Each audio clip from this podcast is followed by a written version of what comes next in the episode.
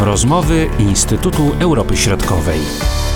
Witam Państwa serdecznie w kolejnym odcinku naszego podcastu w rozmowach Instytutu Europy Środkowej. Przed mikrofonami Marcin Superczyński, Marlena Gołębiowska i także Łukasz Lewkowicz. Witam Was serdecznie. Dzień dobry. Witam serdecznie. Niedawno wróciliście ze szczytu inicjatywy Trójmorza w Bukareszcie.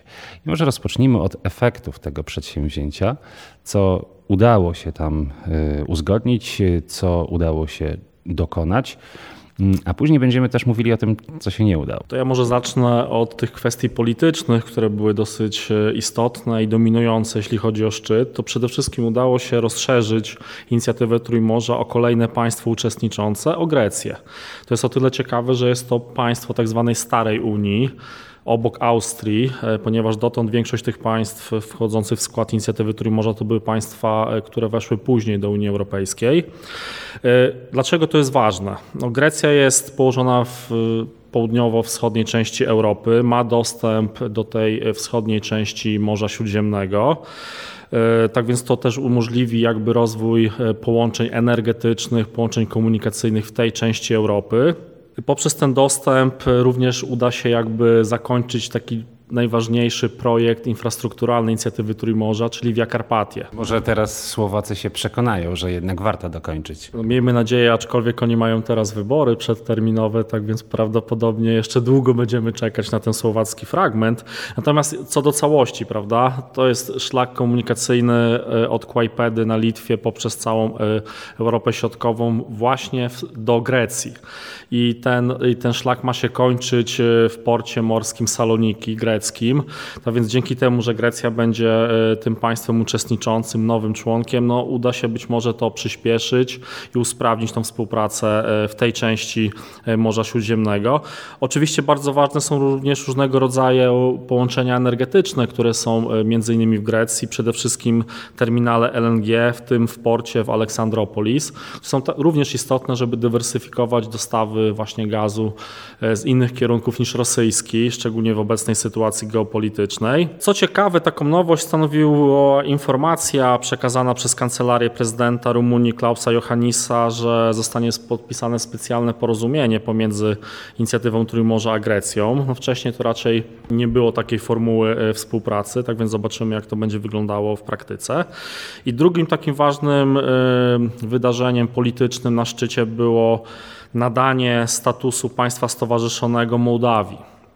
E, to oczywiście było z punktu widzenia Rumunii bardzo ważne, ponieważ no, Mołdawia odgrywa istotną rolę w polityce zagranicznej e, rumuńskiej.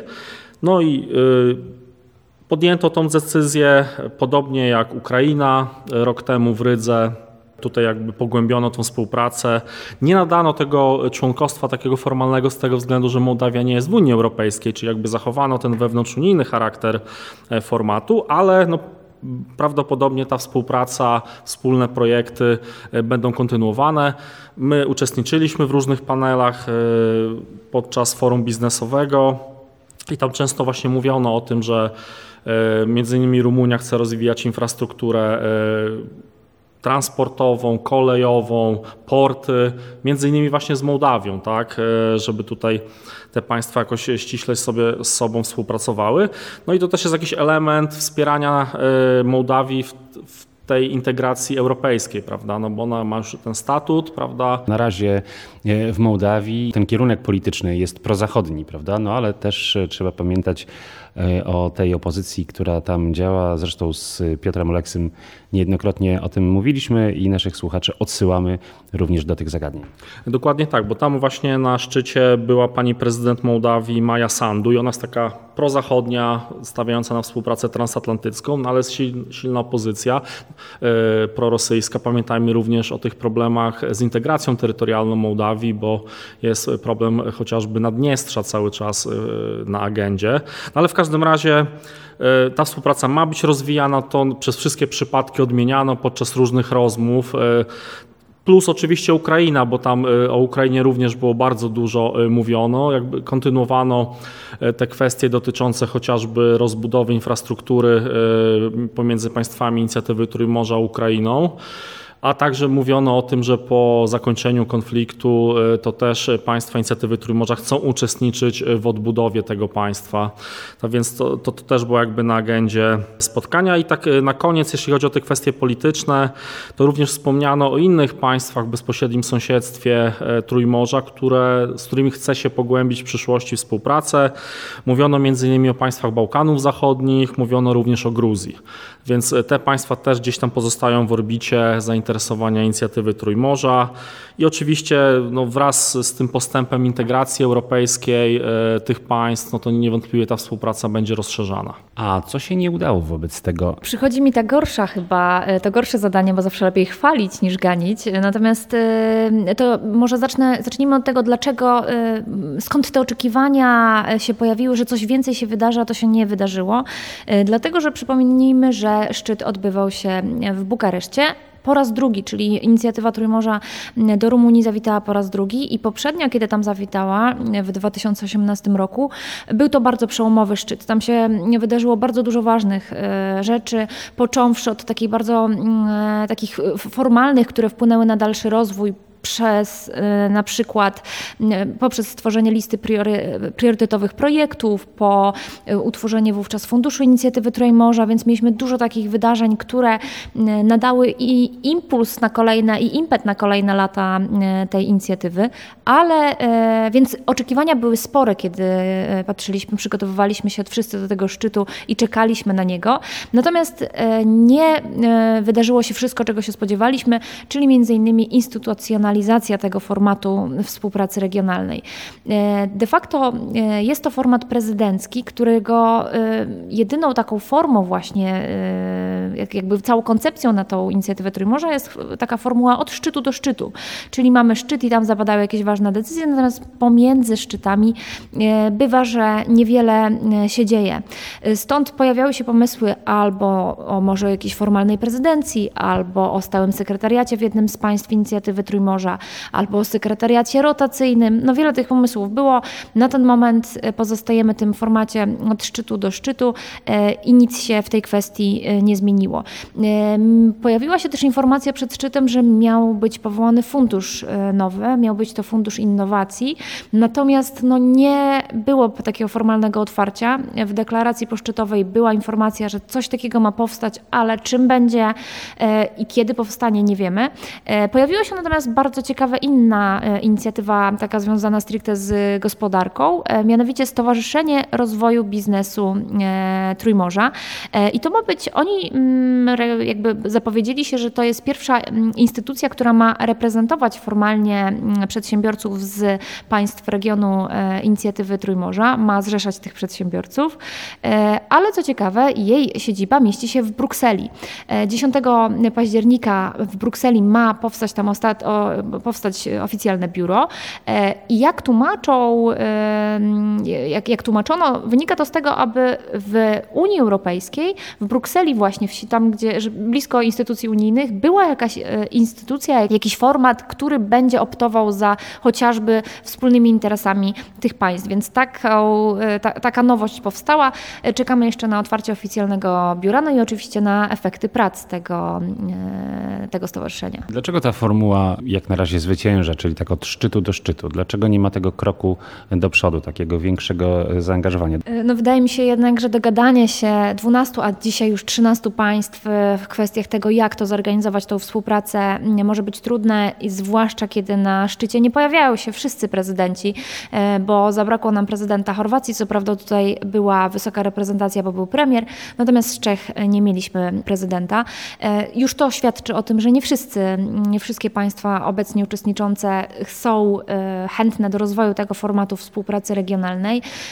Mamy takie wrażenie, że im bardziej, im bliżej mórz, bo, ponieważ nazwa jest morska, im bliżej mórz, tym jest jakaś większa wola współpracy, natomiast te państwa, które dostępu do mórz nie mają, może nie wszystkie, ale wiele z nich ma znacznie mniejsze zaangażowanie w ten format współpracy, więc jest jeszcze trochę do zrobienia, jeśli o to chodzi i prawdopodobnie to pad właśnie związany związany z jakąś brakiem woli politycznej do dalszego napędzania tej inicjatywy, do większej instytucjonalizacji, a tym samym pewnie skuteczności. Ale wydaje mi się też, że na razie postawiono po prostu na taką elastyczność współpracy, natomiast w, przyszłości zapewne trzeba będzie podjąć jakieś decyzje dotyczące instytucjonalizacji, żeby usprawnić tą współpracę. My się też zastanawialiśmy z Marleną, czy w wcześniejszych e, naszych komentarzach, analizach, jakby to miało wyglądać, bo tu się różne scenariusze e, przejawiają. Znaczy może być jakaś quasi prezydencja, taka jak w Grupie Wyszehradzkiej. Może być e, wspólny, permanentny sekretariat w jednym z państw, ale też może być na przykład mobilny sekretariat, który by się co roku przemieszczał do innego państwa. Inni eksperci również uważają, że na przykład można byłoby stworzyć sekretariaty w każdym z państw członkowskich, czyli 13 sekretariatów takich krajowych, które by na stałe funkcjonowały. Y, natomiast na razie takiej decyzji politycznej nie ma i trudno powiedzieć, czy będzie, bo to, co Marlena zwróciła słusznie uwagę, to są też kwestie polityczne. Trzeba byłoby się też zastanowić nad tym, kto miałby to finansować, kto miałby tam pracować. Y, w poszczególnych państwach odbywają się wybory, zmieniają się też polityki zagraniczne, podejście do Trójmorza, tak więc to też jest dosyć duże e, zagrożenie. Zajmujesz się Słowacją i też widzimy przecież, że ta retoryka się zmienia, przynajmniej jeśli chodzi o Ukrainę i to dosyć mocno. Jeżeli w najbliższych wyborach wygra ta koalicja lewicowo-narodowa, czyli Smer, Partia Republika, Robert Fico oczywiście były premier na czele Smeru i zostanie premierem, no to prawdopodobnie ta polityka zagraniczna wobec Ukrainy totalnie się zmieni. E, oni już teraz deklarują, że nastąpi taka neutralność polityki zagranicznej e, Słowacji, e, nie będzie przekazywania uzbrojenia stronie ukraińskiej. Tak więc ta polityka będzie całkowicie inna, ona będzie podobna do polityki Viktora Orbana na Węgrzech. Więc tutaj widać, że, y, że, też podejście do Trójmorza, które w dużym stopniu jednak chce wspierać Ukrainę, e, zmieni się. Aczkolwiek Słowacja nigdy nie była specjalnie aktywna, jeśli chodzi o Trójmorze. E, Andrzej Kiska, poprzedni prezydent Słowacji, miał tutaj pewne osiągnięcia, natomiast Zuzanna Czaputowa już troszeczkę bardziej z dystansem patrzyła na ten format, aczkolwiek była na szczycie w Bukareszcie. Natomiast no, po wyborach może, może ta współpraca regionalna osłabnąć, aczkolwiek sam Robert Fico podkreśla, że on jest zwolennikiem współpracy wyszehradzkiej, żeby jakby rewitalizować Grupę Wyszehradzką. Natomiast nie wspomina nic o Trójmorzu. Można powiedzieć, że co kraj to obyczaj, ale jeszcze odnośnie Ukrainy, jeszcze jakieś konkrety zapadły podczas tego y, spotkania w Bukareszcie? E, dyskutowano, w ogóle Wołodymir Zełenski został zaproszony na szczyt i wziął w nim udział w formacie online, e, przemawiał. Natomiast on się skupiał bardzo na takich bieżących kwestiach, interesach, które miał do załatwienia. Chodziło oczywiście o ukraińskie zboże i tam w swojej wypowiedzi to szczególnie akcentował, apelując o, o jedność państw inicjatywy Trójmarza w tym e, temacie i wsparciu Ukrainy w tym zakresie.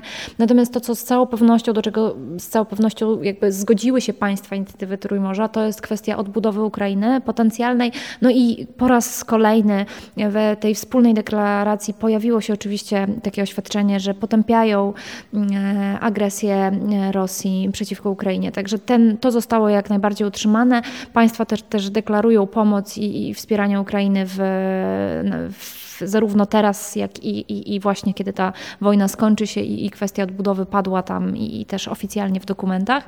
E, natomiast e, no, no, przy okazji no, nie, ten format zakłada, ten, ten moment szczytowy jest ważnym momentem, w którym właśnie takie trochę partykularne interesy są rozgrywane, co pokazała chociażby ta kwestia ukraińskiego zboża.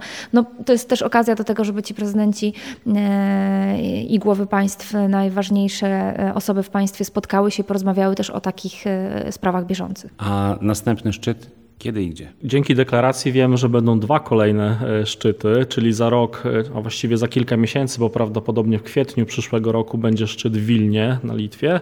Natomiast zapowiedziano również e, szczyt w 2025 roku w Budapeszcie, czyli na Węgrzech. To jakieś nowum. Zdecydowanie my bacznie będziemy przyglądać się temu, jak będą wyglądały te najbliższe dwa szczyty.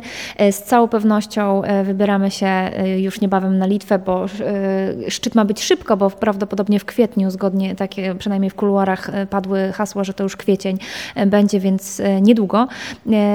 No i czekamy na, cieszymy się też, bo to już jest trzecie państwo bałtyckie, to warto podkreślić, to pokazuje, że państwa bałtyckie zdecydowanie popierają ten format współpracy regionalnej widzą też jakieś realne korzyści. E, bardzo tak pragmatycznie w państwach bałtyckich patrzymy na, na ten format, dlatego że skupiono się tam głównie właśnie na tych rozwiązaniach infrastrukturalnych, na, tych, na tej współpracy gospodarczej i w tym kierunku bardzo państwa bałtyckie zmierzają, więc liczymy na nadanie nowego tempa tych, tych realizacji tych inwestycji w związku z tym przyjęciem szczytu przez kolejnego szczytu przez Litwę. Bardzo dziękuję za tę dyskusję. Marlena Gołębiowska i Łukasz Lewkowicz. Do usłyszenia. Do usłyszenia. Do usłyszenia. Były to rozmowy Instytutu Europy Środkowej.